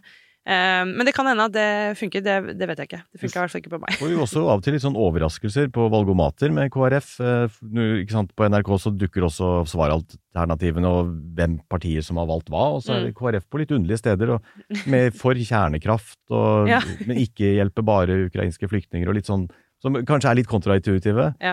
Eh, Så, så, så vanskelig å si. eh, Men de sliter jo, da, som, som begge dere er inne på. De, Mm. de sliter, de har liksom ikke fått opp dampen helt. Men eh, og så til slutt, eh, nå vet jeg det, nå skippa jeg litt sånn over Hermstad, fordi jeg føler at bortsett fra den anekdoten for hjemmesykepleien, så Ja. kom han ikke ordentlig på. Og, og en av tingene han mislyktes med, var den duellen, føler jeg, med Støre Ja. om, om, eh, om oljeproduksjonens fremtid. Som jo er hans hjemmehalvdel. Men han, det var en urettferdig første partilederdebatt opp mot Støre. Jeg syns han hadde det mest urettferdige utdelinga av den duellen. Og det, det kan du si. Og, men eh, Støre, som jo sikkert har de beste kortene på håndene heller, i akkurat den diskusjonen der, om, om Melkøya-prosjektet, altså, er og blir omstridt, og Mm. er ikke nødvendigvis en, en valgkampvinner. Og Nei. man kan fortsatt spørre seg hvorfor den kom en måned før valget. Men eh, når det er sagt, så føler jeg at Støre eh, klarte og det er sånn her, dette med sånn statsmannskunst, Mm. eh, og det å være statsministeraktig, eller presidential, som de sier i USA, og for å bli ordentlig diplomat, som de sier i Frankrike en certain je ne sais pas quoi. Altså det er noe du ikke helt klarer å sette fingeren på, men du allikevel har. Det, er, det, er ingen som, det er ingen uh, rådgivere à la, la deg, Alex, som, som klarer å på en måte skrive noen replikker eller trene noen til å bli statsmanns- eller statskvinneaktig. Det er jo noe du bare på en måte må ha. Og det kan godt være at han mister det igjen, men, Mm. men altså, hvis det er en slags mojo, da, så fant han den mojoen i debatten i går. Mm. Altså, det var ganske interessant å se. Altså, det var, han var den eh, desidert, og jeg er kritisk til, til hans eh, ofte eh, kommunikasjonsevner, men i går så følte jeg at han traff planken på altså, eh, stemning, poenger, eh, helhet eh, og, og detaljer. Mm. Jeg syns jo han er jo mm, Jeg, jeg er enig, eh, og jeg prøver også å ta på meg mitt mest eh, analytiske hatt her. Jeg syns han var i starten liksom veldig ordrik, sånn som han pleier å være, men jeg syns han klarte å eie det likevel. For der hvor jeg syns han har falt helt gjennom i debatter, er når han og det er spesielt vanskelig for han i opposisjon. Han skal være frekk og morsom og stille noen til veggs, og det passer ikke. Så denne, det er jo mye bedre for han å være statsminister enn opposisjonsleder. Men jeg syns han var god i går. Jeg syns han var raus med motdebattantene. Han var ikke liksom overkjørende, veldig sånn tydelig, for man skal jo være statsminister for, eh, for alle. Um, og jeg syns han hadde mange liksom, gode poenger. Han kom seg Han var den eneste. Det var jo også et, et sterkt øyeblikk i den partilederdebatten når man ba alle partilederne rekke opp hånda dersom de mente vi var på god vei til å nå klimamålene. Eh, og det var ingen som rakk opp hånda utenom Støre. Og så kan du jo si altså, Jeg tror han, på det med den politikken regjeringen fører, men han, han gir i hvert fall inntrykk av at han tror på regjeringen. Og det er jo ganske liksom, vanvittig å ha en finansminister og partileder for Senterpartiet som også sitter i regjering, som ikke klarer å rekke opp hånda på det. Men han eier det, og han, jeg syns han klarte å svare det ut. Jeg syns han klarte å svare ut Melkøya, som har skapt masse rabalder. Selvfølgelig en vanskelig sak for, for Senterpartiet, men der han der får han også drahjelp fra, eh, fra, fra pressen, og i dette tilfellet de som ledet partilederdebatten, hvor de prøvde å sette fast de andre partilederne som faktisk har ment noe annet eh, eh, tidligere. Eh, men sånn oppsummert så syns jeg han fortjente det, det, de gode terningkastene han, han fikk i går. Støre var god, helt enig. Eh, Jeg syns ofte han har vært ganske god i debatter på de kriteriene du sier der, ikke ved å sette andre motdebattanter fast eller eh, å, å svare så godt på sparket, men nettopp å innby en viss sånn, en verdighet og, eh, og statsmannsaktighet. Men der hvor han sliter mot Erna, er jo egentlig ikke det formatet der. Det er ute blant folk. Det er eh, på, på turneene i det ganske land. Så jeg, jeg vet ikke om vi så noe i går som tilsier at det har endret seg, men det er jo der Erna har the edge over Støre. Ja, fordi La, la oss bare ta, ta den biten nå. Fordi um, den første partilederdebatten som VGTV hadde, som jo ikke like mange så, men hvor da, hvor da jeg var til stede, så og, og, og i, i Støres forsvar da, så måtte han løpe fordi det var uværet hans. eh, Og han, og han skulle håndtere det. Det var en pressekonferanse, så han, han måtte stikke med en gang. Det var ferdig. Men Erna, som, som den eneste av alle, ble igjen. Hun gikk bort til en sånn unge høyregjeng som, som satt og fulgte med, og, og tok selfies med de. Eh, godprata lenge etter at selfiesene var tatt. Satt seg med en høyregjeng i eh, baren eh, og drakk øl og smilte og konfererte. Og jeg tenker sånn at ja, on the campaign trail så er det, er det sånn du skal gjøre det. Eh, og, og så er det, er det lov å røpe Hanna, hva du sa på piloten som aldri vil bli vist på TV om Støre og uværet hans. Ja, jeg, vi snakka jo litt om, om valgkampen, og at den hadde eh, begynt. Mange har jo beskyldt eh, spesielt Arbeiderpartiet for å sette i gang eh, litt seint. Eh, men det har jo vært nå det, det jeg pekte på i går, at det har jo vært uværet hans rundt omkring i landet. Og jeg har savna å sett Støre i den situasjonen. Jeg tenker han kunne fått noe gratis ved å ta på seg eh, støvlene som vi snakka om i går, og lempe noen sandsekker. Og så kan det godt hende, som jeg også sa, at Støre hadde tatt på seg en regnjakke, så hadde han sikkert hatt en for fin skjorte under, og så hadde det blitt saken. ikke sant? Se her, han har aldri lempa en sandsekk, det ser du på skjorta hans under. Det kan godt hende, men, men det kunne gitt noen eh, nære øyeblikk rundt med, med folk, og det har andre eh, partiledere, spesielt eh, så har Jens Stoltenberg god på det. Jeg kommer fra Hadeland, vi har stadig vekk hatt flom og ødelagte veier, og det var veldig mange som var sinna på regjeringen, og så og så kom Jens da, ikke sant, og hjalp meg med, med å rydde kjelleren, og etter det så var alt bra. Så jeg tror at det kunne gitt han noe gratis. Og så er det jo helt klart at jeg sitter jo ikke inne i de indre gemakker her, og jeg vet at det er masse å håndtere. Han kan ikke være ute og lempe sandsekker når han skal faktisk passe på at liksom beredskapen i landet er under kontroll, og han er nok bedre på det. Men, men jeg tenker at han, Erna Solberg og hennes apparat er bedre til å bruke media og komme på. Hun har med seg media rundt i alle eh, små og store ting hun gjør, og det, det syns jeg han eh, får for lite ut av, rett og slett. Altså, for politikk er jo altså, nå, nå sitter vi og altså Min jobb er å analysere, og det er jo din jobb i Tenketanken og, og, og din jobb, Alex, både da du var på Stortinget og i Minerva nå, ikke sant. Også, men til syvende og sist, da, eh, så er, jo, er det jo personer vi stemmer på. Vi vet jo ikke helt om disse her eh, politiske prosjektene deres vil lykkes. Vi vet ikke hvordan det der Melkøya-regnskapet vil se ut til slutt. Så på en eller annen måte så er det jo forventninger man selger. Det er liksom aksjemarkedet. Liksom, om aksjene går opp og ned, handler ikke om liksom, konkrete resultater, men, men forventningene der ute i markedet. Uh, og, og liksom du er inne på, Anna, dette med, med vilje. Altså, tror de på det de står og sier? Eh, og, og er det et prosjekt der i det hele tatt? Altså, er det noe de faktisk ønsker å gjennomføre? Og Støre er jo en av de må man lure på egentlig begge de to siste tingene. Selv, selv om jeg, jeg syns han, han klarte seg veldig godt i går. Og så på en måte, det er jo noe sånn der, Det er veldig mye udefinerbart, veldig mye personlige, emosjonelle ting i politikken òg. Det kommer man ikke utenom. Ja, det er det definitivt. Og hvis du, vi er over på valgkampen eh, kanskje nå, eller den kommende valgkampen. Ja, ja, vi, vi har vært der hele tiden. Ja, vi har vært der litt hele tiden. Eh, det, er, det er et eller annet Veien fremover nå. Ja, la oss se på det. Vi har masse partier. Vi så jo en, en drøss med, med partiledere i går som uh, solgte sin visjon. Uh, men så er det, det er et eller annet i, i landet vårt som, som ikke allikevel dekkes. Det, det så vi sist valg, bompengepartiet, at det er noen strømninger som altså Selv om vi har ni partier, så klarer ikke de å, å absorbere det engasjementet eller sinnet som er der da. Eh, Nå, det er nest, en ting jeg er veldig nysgjerrig på, er dette Industri- og Næringspartiet. Mm. Altså, hva, for der er det noe, det er noe grasrot, noe kommentarfeltaktig um, engasjement der som, eh, som ikke føler seg dekket da, av etablerte partier. Mm. Uh, og hvor har de potensial, potensial for større vekst? Eh, og hvordan vil det se ut ved dette valget? Gjør de det bra nå, så har de jo egentlig cruise-kontrollen på for, eh, for stortingsvalget også. Ja, og nå er vel de større enn KrF, og på en morgen i Oslo har de jo vært inne eh, på vippen. Så det er veldig, eh, veldig spennende. Og så er jo sånne Vi hadde jo Bompartiet ved forrige valg som, som jo jeg tror kanaliserte mye av det samme eh, misnøyen, da, og som er jo nesten helt borte. Så dette liksom eh, skifter jo litt. Eh, men jeg syns det, det er veldig spennende å se hvordan det kan dukke opp eh, nye partier som da ikke føler seg representert i Kanskje Senterpartiet og Frp er det mest nærliggende eh, her. Så det blir spennende å se. Og de får selvfølgelig ikke noe taleplass i partilederdebatter og sånn, men som vi har snakka om, så er spørsmålet hvor viktig de er i en, en valgkamp. Men det er jo et lite parti uten noe særlig apparat som skal mobilisere, sånn som de andre partiene er bedre på. Så jeg er spent å se hvordan de holder seg gjennom valgkampen.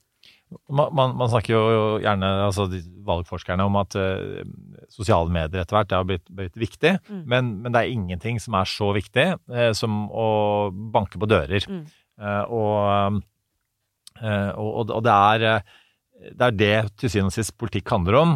Og de, de, måte, de siste skrittene du går i fram til du tar noen i hånda Mm. og deler en kaffe. Og, og du Nå som de skal ut og gjøre det Det er noen partilederdebatter igjen også, men, men eh, nå ga vi ekstra oppmerksomhet til denne i og med at det var liksom startskuddet, og vi ser liksom hvilke eh, stemninger og ideer og de har med seg inn i valgkampen. Men, men hva, hvilke råd gir dere? på en måte? Jeg vet at, at både Tenketanken og Minerva er på en måte løselig tilknyttet partiene. Dere skal jo på en måte være overordnet og representere for så vidt igjen også de store ideene på hver deres side av politikken. Men, men, men hva på en måte hvilke sånn råd og tips og triks er det dere har for å på en måte lykkes i en valgkamp? eh, Hanne?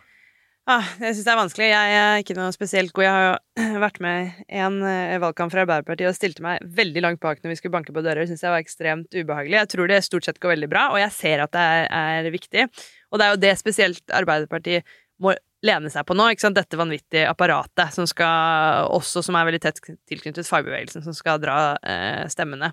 Eh, og når det gjelder de andre eh, partiene, så gjør de jo det samme. Det er også viktig for Høyre å være ute og banke på dører og, og treffe folk. Men det å eh, liksom, komme i kontakt med så mange som mulig og hente ned, det er jo det viktigste for, for liksom, både Høyre og Arbeiderpartiet å hente ned de som sitter på gjerdet. Og der har jo Arbeiderpartiet et, et enormt potensial, enda større enn en Høyre. Men det blir jo liksom hovedjobben.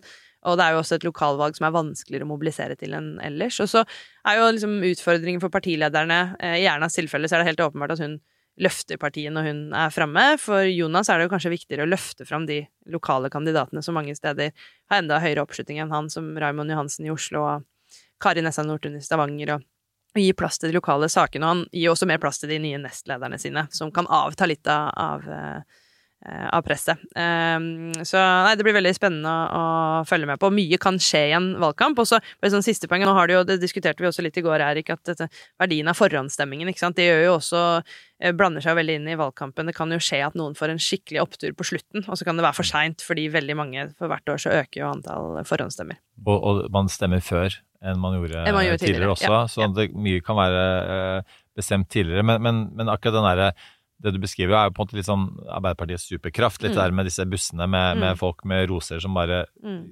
reiser ut og Mm. bare og mobiliserer. Mm. Men er det lov å si at den superkraften har på en måte Det noe, det er noe kryptonitt der. Eh, Mm. så det er et eller annet, har, man, de har ikke fått det til.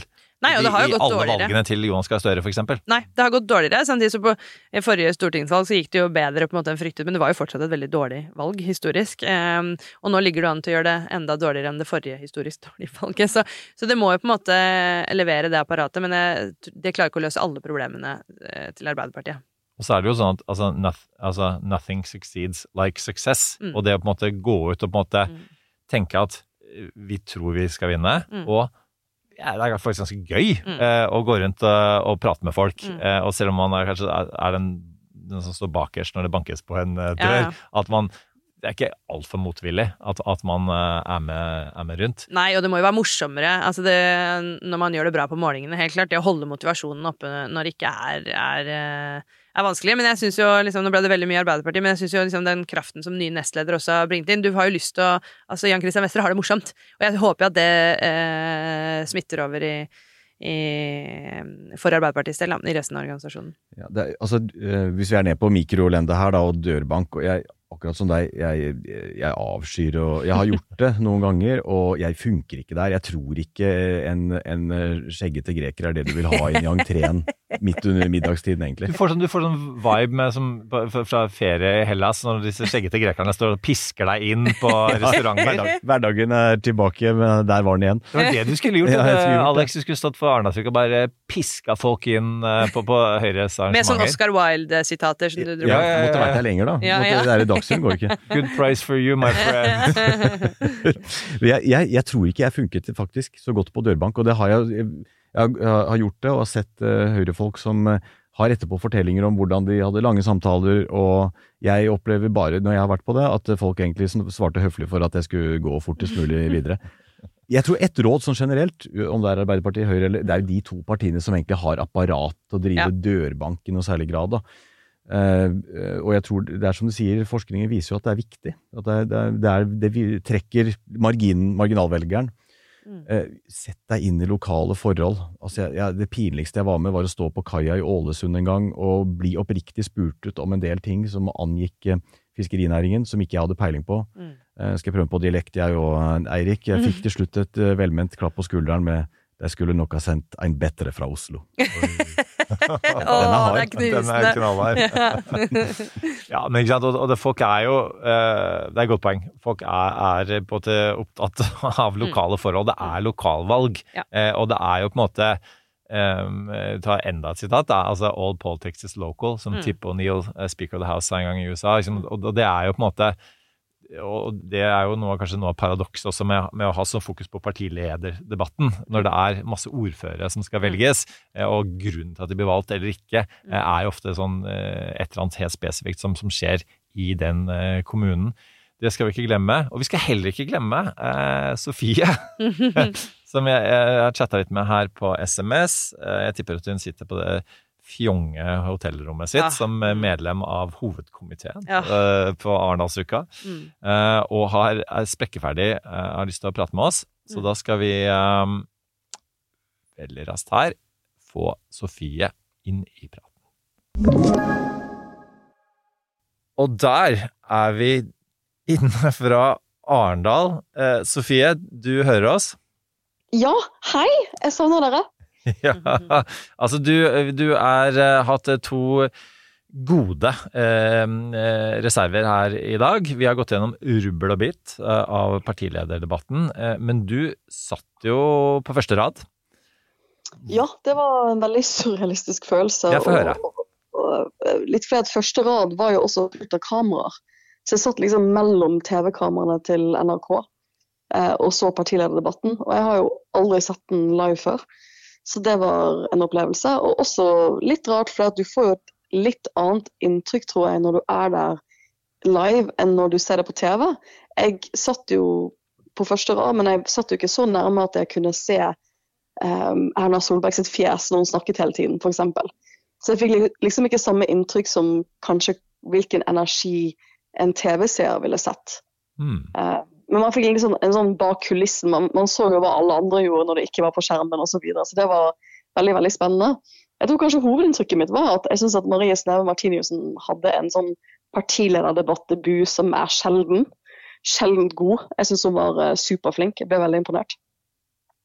Men, sånn, men apropos energi, ikke sant? Altså, vi, vi snakket om her tidligere at eh, det var en veldig energisk debatt, og at, at alle var påskrudd, og så var man mer eller mindre eh, heldig med, med de politiske utspillene og, og, og på en måte logiske fremstillingen av ideene sine osv. Men, men altså eh, jeg, jeg var litt skeptisk, det vet du, etter den første partilederdebatten som VGTV hadde.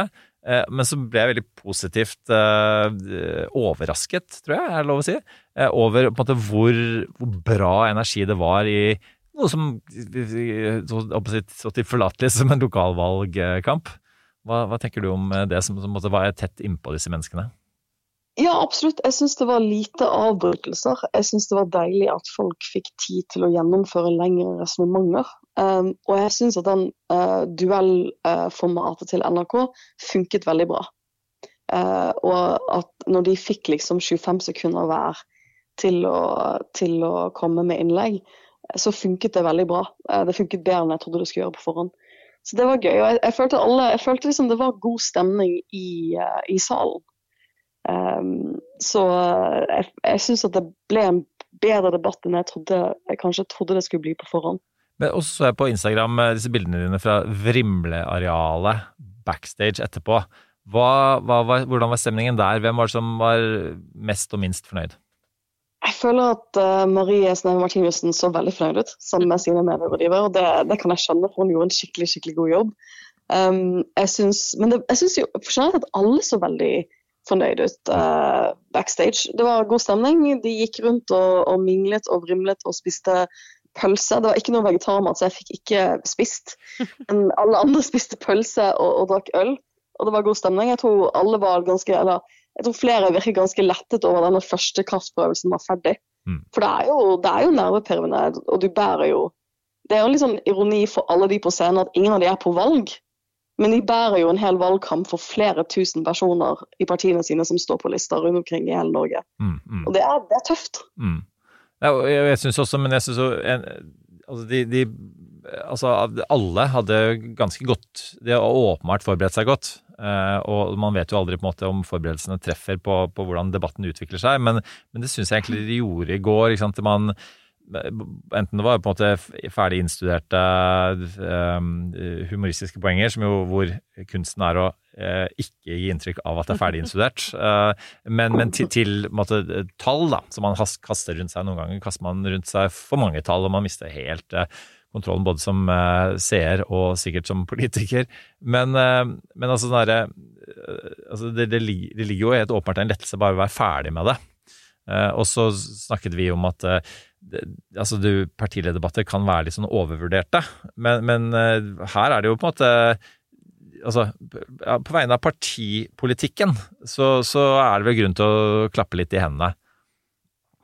Ja, jeg syns også at det var bra at NRK startet med en runde om de sakene som har gått i sommer. eh, Og også den saken eh, som DN kom med i går knyttet til Høyre. Det, var jo, det ble jo litt sånn, en litt sånn joker, og det skapte jo litt sånn en viss stemning i salen. Når man skjønte at det skulle være utgangspunktet for debatten.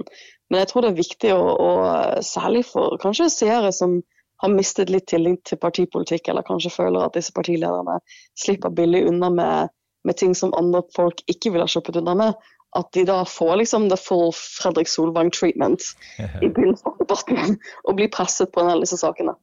Men eh, det slår meg egentlig først nå, når jeg begynte å snakke med deg, at eh, det er ett parti vi har glemt å prate om. Jeg fikk dårlig samvittighet nå. Ja, du gjorde det? Ja. Ja, sant. Eh, Alex, hvilket parti er det? Det er jo Venstre, da. Det er jo Venstre. Ja.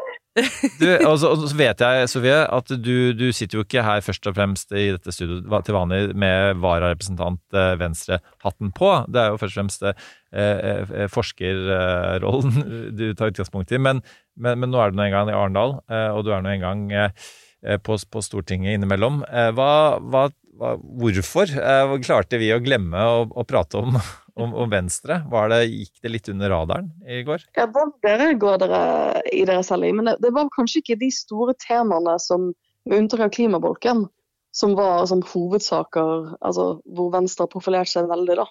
Mm. Um, eldreomsorg er jo ikke et område hvor vi har profilert oss vel, eller hvor Venstre har profilert seg veldig politisk. Um, og så er det jo litt sånn interessant forskjellige dynamikker. Venstre har jo hatt ganske mange gode meningsmålere i det siste, som er litt uvanlig for Venstre så tidlig i valgkampen, eller generelt sett uvanlig. Uh, og det skaper jo en litt annen dynamikk, tror jeg, hvor man kanskje ikke trenger å være så frempå i debattene, Mm. men mer liksom trygg og stødig og holde seg til de hovedbudskapene som man har i valgkampen. Da skal, da skal jeg ta inn panelet vårt her, for å få en oppfølging oppføring av det, Hanne. Eh, ja, jeg tror eh, Jeg hadde en sånn eh, chat hvor vi satt og kommenterte i går, og da kommenterte vi Guri Melby. Jeg tror det egentlig er bra for Guri Melby at ikke at vi glemte henne litt i dag, for hun gjorde en helt OK figur. Jeg syns ofte hun har ikke, jeg synes hun har kommet gjennom godt i partilederdebatter tidligere. Og siden vi har trukket fram Marie Sneve Martinussen så godt, så at hun gjorde det veldig godt i sin duell, eh, var ikke på bekostning av Guri Melby. For Guri Melby svarte også veldig, veldig godt i den duellen. Og der jeg syns, for å være litt mer sånn personlig på Guri Melby, som jeg syns er en fremragende politiker, så har hun har et problem som dessverre kvinner oftere har enn menn, at hun blir veldig ivrig, og så kan hun gå litt i fistel. Eh, og det syns jeg ikke hun gjorde i det hele tatt i går. Hun har jobba med det. Hun var rolig, snakket i kontrollert tempo, hadde en veldig behagelig, rolig eh, stemme. Og hun virket ikke, kanskje Sofie er rett i det hun sier, hun virket ikke Selvfølgelig står det noe på spill for Venstre, men hun virket ikke liksom desperat etter å, etter å markere seg Eh, så jeg syns hun, hun gjorde en, en god figur. Mm, Alex? Jeg tror jeg glemte Venstre litt, fordi at eh, det var det temaet som Venstre har profilert seg veldig godt på eh, det siste året, er eh, Ukraina, og det Mm. var ikke diskutert. Også ære være Venstre, som har vært fullstendig hauker siden eh, Russlands fullskala invasjon. Nå mener du Hauk som en positiv ting. Positivt? Ja, hos meg er det alltid positivt. Men- Høyres utenrikskomité. Ja. Er ikke der lenger, sånn. Nei, men Men, eh, men det er jo ikke det våpensystemet de ikke ville sende til eh, Kiev. Ukraina var ikke diskutert i går. Eh, Utenrikspolitikk var ikke på agendaen, og da, da hadde ikke Det er den muskelen eh, Venstre har flekset, eh, flekset siste året. Men for å ta det da, Sofie. For det, det var en ting jeg satt og tenkte veldig på, og, det, og ikke minst på denne VGTV-debatten, hvor det ble veldig veldig detaljert og lite visjonært. Jeg føler absolutt det var visjoner i går, men, men de visjonene var ikke veldig internasjonale. Og vi, som tross alt har en pod som heter Det store bildet, føler ikke du også at eh, litt ledende spørsmål, Sofie, at vi manglet litt det store bildet i går? Og vi er jo omgitt av krig, økonomisk krise, energikrise, eh, klimakrise. Alt eh, henger sammen. Men, men det kunne man ikke få inntrykk av av å se på debatten i går. Det, var, det meste kunne åpenbart løses lokalt i Norge. Hva tenker du om det, Sofie? Jeg tenker at det er en lokalvalgkamp. så det- Jeg er ikke overrasket over at, over at man ønsket å vinkle debatten lokalt. Eh, samtidig så var det jo en hel bolk på klima, eh, og da ble det jo en diskusjon liksom, om hvordan man skal løse klimakrisen. Er det riktig å, å prioritere en del av de eh, nasjonale tiltakene vi gjør? Eh, Var det ikke Sylvi Listhaug som snakket om sånn klimanasjonalisme? Mm. på et annet tidspunkt. Så det kom jo bitte litt inn. Um, men jeg, jeg savnet det faktisk ikke personlig, at det, at det ikke ble en sånn større tilknytning til det internasjonale. Men den gode gamle sånn der, eh, altså handle lokalt, tenke globalt. Det er jo mulig å gjøre begge deler. Det er mulig å gjøre begge deler, men vi har jo av og til snakket på podden, altså hvilken tid lever vi i? Og jeg tror eh, i den stasjonen man er i nå, så tror jeg ganske mange har et behov for å eh, snakke om den nasjonale konteksten. Mm. Eh, og hvordan man skal løse problemer i Norge. Jeg tror veldig mange, Dette, blir jo, dette legger jo opp til å bli en lommebokvalgkamp. Det er en dyrtid-valgkamp. Folk bryr seg om løsninger som kan endre noen i hverdagen deres nå. Um, og, det, og da er det et ja, liksom, Det norske demokratiet skal jo, og, lokaldemokratiet ikke minst, skal jo løse lokale problemer. Og de har jo selvfølgelig et stort tilsnitt til det internasjonale. Alt henger jo sammen med alt. Men jeg syns ikke det blir for navlebeskuende at det er det som er fokuset i, en, eh, i tross alt det som er åpningspartidebatten eh, i et lokalvalg. Mm, mm. Eh, sånn helt til slutt, eh, Sofie, hvis vi bare ser litt på Arendalsuka, og med litt eh, det samme poenget også. Fordi det blir mye diskusjoner om at her, her møtes elitene, Uh, og folk har sånn inntrykk av at uh, Jeg la ut noen greier på Instagram med sånne bilder fra Wolf of Wall Street på meglerbordet, liksom, hvor det er full fest. Og, og de står, det, noe, det, det, det, kastes apekatter og kortvokst og alt mulig rart. og det er liksom sånn eh, sables champagne, og det er liksom, mange tenker kanskje at det er sånn det er på Arendalsuka. Og så eh, la jeg ut et bilde av, av på min bitte lille køye. Eh, hvor man må, må, gå ut for å skifte mening, i den grad man, man, man gjør, noen gang gjør det i politikken. Men altså, altså det Og så har vi, har vi snakka bak ryggen din med ditt fine hotellrom, da. Men eh, altså, de, de man møter, de vi møtte i våre livepoder også, ikke sant, det er jo, det er jo førstekonsulenter i uh, Fellesrådet for Sørlige Afrika og Funksjonshemmedes Fellesråd, og på en måte det er jo altså, det er jo det virkelig brede spekteret av eh, norsk byråkrati, eh, forvaltning, eh, organisasjonsliv. Eh, og det er vel mitt inntrykk er selvfølgelig at PR-folk gjør det de gjør for å selge sine tjenester og gjøre seg viktigere enn det de egentlig er, eh, og at det skal være litt mystisk osv. Men, men de aller fleste er jo det bærer rundt på roll-ups og eh, spiser litt for mange måltider på Narvesen eh, og, og bor litt for langt unna i litt for små eh, leiligheter. Hva, hva er din følelse av årets Arendalsuka, Sofie? Det har jo vært rart å være her i år, fordi det er første året mitt som en del av hovedprogramkomiteen. Så plutselig er du her sånn organisatørrolle. Jeg merker at etter en uke med å snakke, så holder jeg på å miste stemmen nå. Så det er bra at jeg skal altså Jeg har jo siste samtalen min eh, klokken tre i dag, og så skal jeg hjem. Um, men et, en av de tingene Vi har ikke sånn endelig besøkstall ennå. Men dette er jo igjen en større uke enn det det var, har vært før. Uh, og en av de tingene som vi virkelig har bedt oss merke i i år, er at det er flere uh, enkeltarrangører og arrangementer enn det noensinne har vært. 400 flere, er det ikke det, enn i fjor? Enn i fjor. Og at de nye, altså de nye som organiserer samtaler eller arrangementer, de er gjerne som fra frivilligheten. De er gjerne fra sånn ideell sektor. Eh, og det, det syns jeg er veldig fint. Eh, det er klart at eh, en sånn type uke som Arendalsuka kommer til å tiltrekke en del eliter. Og la oss være helt ærlig, folk ville ikke kommet hvis det ikke var en del eliter på Arendalsuka. Folk kommer jo til dels fordi at det er et unikt sted hvor du kan sitte, og, sitte tett liksom, opp mot en statsråd, og så kanskje, hvis du er heldig, greie å snakke med vedkommende etterpå. Direkte. Uh, og det er liksom, Man glemmer litt. Uh, jeg, jeg, tror det er veldig lett å glemme uh, hvor unikt det er. da. Jeg møtte en På søndag så gikk jeg liksom rundt nervøs og var liksom, tenkte sånn herregud, liksom, hvordan skal dette gå? Har vi satt sammen noen interessante debatter på hovedprogrammet? Kanskje alt kommer til å suge? Og så møtte jeg en, en relativt ung person som var der for første gang. Og da husker jeg liksom hvordan det var der å være for første gang selv. Liksom. Når jeg var stipendiat og ikke kjente så mange. Og plutselig liksom, uh, befinner seg i en situasjon hvor du sitter i en panelsamtale med en statsråd. Mm. Så Det er ikke hverdagskost. Mm. Um, og det er jo en mulighet for direktepåvirkning som, som i mange andre land ville vært mye vanskeligere å få tilgang til. Og det andre som slo meg denne uken, som uh, jeg kanskje setter mer pris på nå eller sånn, som jeg har vært med på organiseringen av, det at er organisert. Jeg var jo med på å putte en del skikkelig vanskelige debatter på hovedprogrammet. En av de f.eks.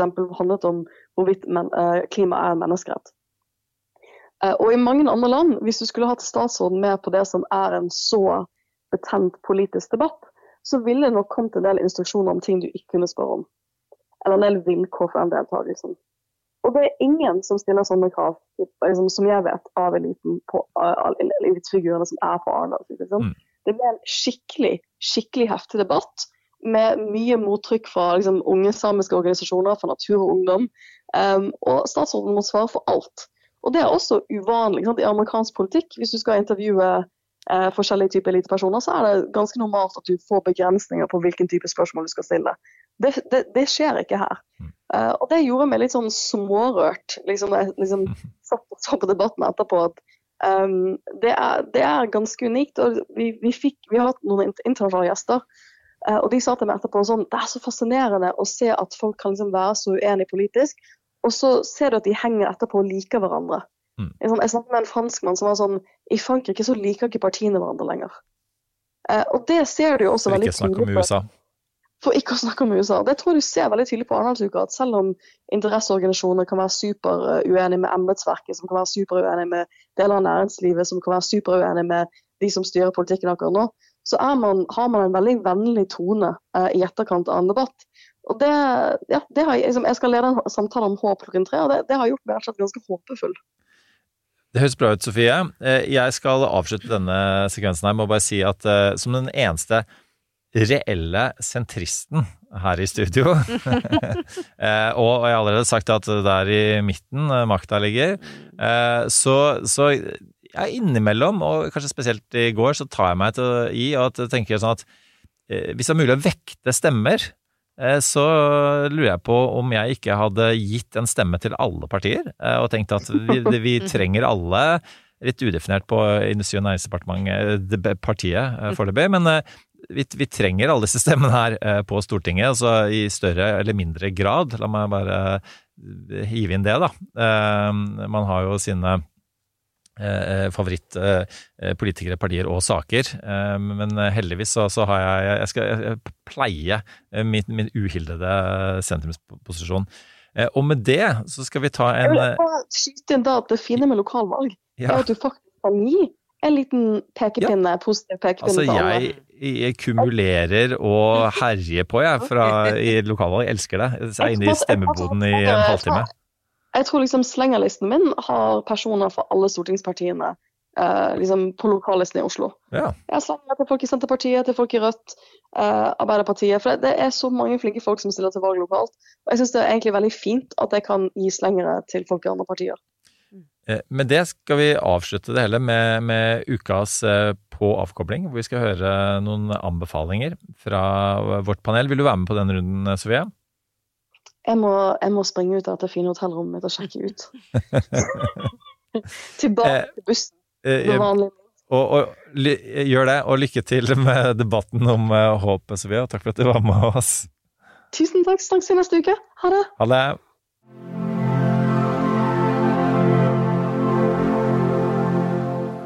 Ja, vi eh, pleier å avslutte med ukas på avkobling, og nå er det jo valgkamp, så, så selv om eh, dere eh, tilhører tankeloftet i hver deres eh, sider av politikken, så, så har dere sikkert behov for å koble av litt også. Eh, Når, hvordan er det dere kobler på og av i en valgkamp, eh, Hanna?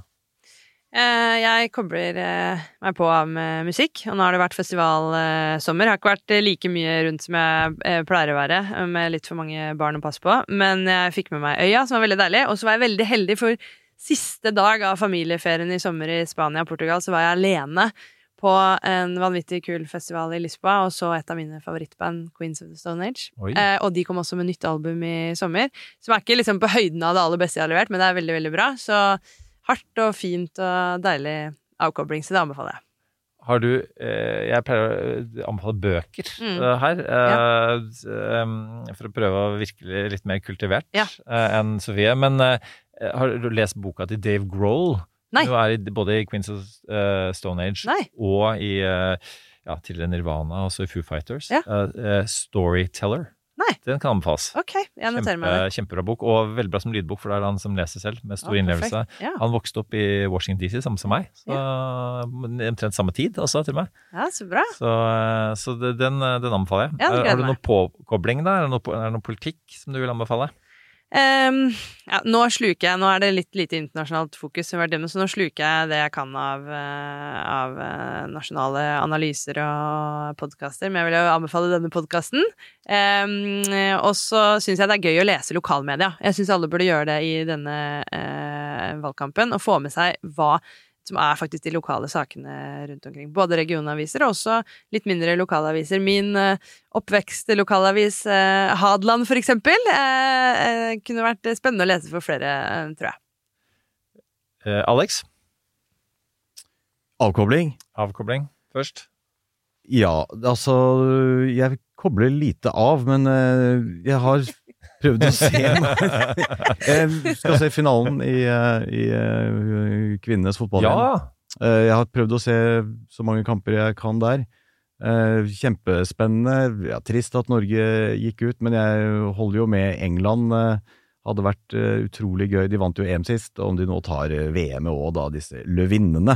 The Lionesses. Og dette er da mens eh, herrefotballen blir herpet av Saudi-Arabia. Så ja, kvinnefotball, finalen.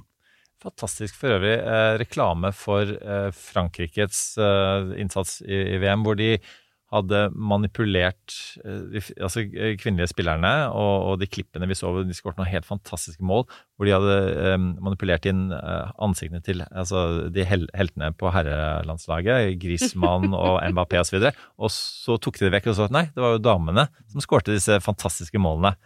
Med andre ord, de, de har noen eh, voldsomme fotballkvaliteter, de også. Det var, sånn, det var noe av de bedre reklamene jeg har sett. Det var, den var kjempeintelligent. Jeg, også noe med stemningen eh, mellom spillerne som eh, den, den er litt mindre smålig. Litt mer kameratslig mellom I mange situasjoner med etter taklinger og sånt, som jeg tenker her kunne gutta lære litt. Grann med, det, er, det virker å være god sportsånd hos mange av lagene. Og hvis du ja, kobler deg Kobler på, på igjen.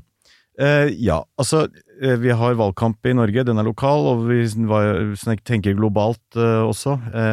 Det skjer så mye interessant og delvis skremmende på fort, Det fortsetter å være skremmende på republikansk side i USA. Podkasten The Editors fra National Review. Ah. De er da Never Trumpers, men har begynt, panikken har begynt å bre seg virkelig i den redaksjonen. Superintelligente kommentatorer. én til to ganger i uka. Så The Editors. Veldig bra. Da skal jeg eh, avslutte med, med mine anbefalinger. Det er eh, en bok som heter uh, Det norske hjem. Skrevet av Hanna Gitmark. som er en, en, en flott bok om det å, på en måte, å eie, eie bolig, og, som, eh, og, og i et, sånn, i et større bilde rundt det. Eh, Den, eh, den eh, er fortsatt aktuell. aktuell. Den er tre år siden den kom, mm. Hanna. Eh, Og gresk blod av eh, selveste Slatan Oss. De er en, ja, en, en eldre, men jeg holdt på skal Enda vi si, litt eldre? Ja, enda litt eldre, men høyst aktuell. Et nærbilde av Hellas, og på hvordan ting kunne gå veldig veldig galt i gresk økonomi eh, den gangen. Det har ikke blitt så veldig mye bedre. Det har blitt bedre, men du vet, et, et, et 3000, eh, en 3000 år gammel sivilisasjon, da, da går det opp og ned. Vi har gjort det mange ganger. Eh, og og vi, vi, vi, vi satt jo et panel sammen eh, i sin tid rundt eh, den lanseringen og snakket om, eh, om den. Og så helt til slutt, da. eh, fordi altså, jeg ja, jeg sa nettopp at jeg var veldig glad i partidemokratiet, det pluralistiske eh, samfunnet. Eh, men, men også veldig glad i lokalvalg og, og lokal eh, media, som du sier, Hanna. Og eh, ingen følger det tettere og med mer større hjerte enn BA-desken. Så, så BA-desken på Instagram Ja, for å, for å følge lokal eh, media og lokal politikk inn i valgkampen, valgkampen er vel ganske eh, hot tips, vil jeg mene. Ja, det er nydelig. Og med det, eh, du, tusen takk for at dere var med, begge to. eh, Og eh, var så ja, det mikrokosmos, rause og varme med, med hverandre og hverandres eh, politiske ståsteder. og lykke til eh, med, med valgkampen for dere òg, da. Tusen takk. Tusen takk. Og, og til dere der hjemme, eh, ha en flott helg og en fortreffelig neste uke. That's enough. Put down the mic. Du har hørt en podkast fra Podplay. En enklere måte å høre podkast på. Last ned appen Podplay, eller se podplay.no.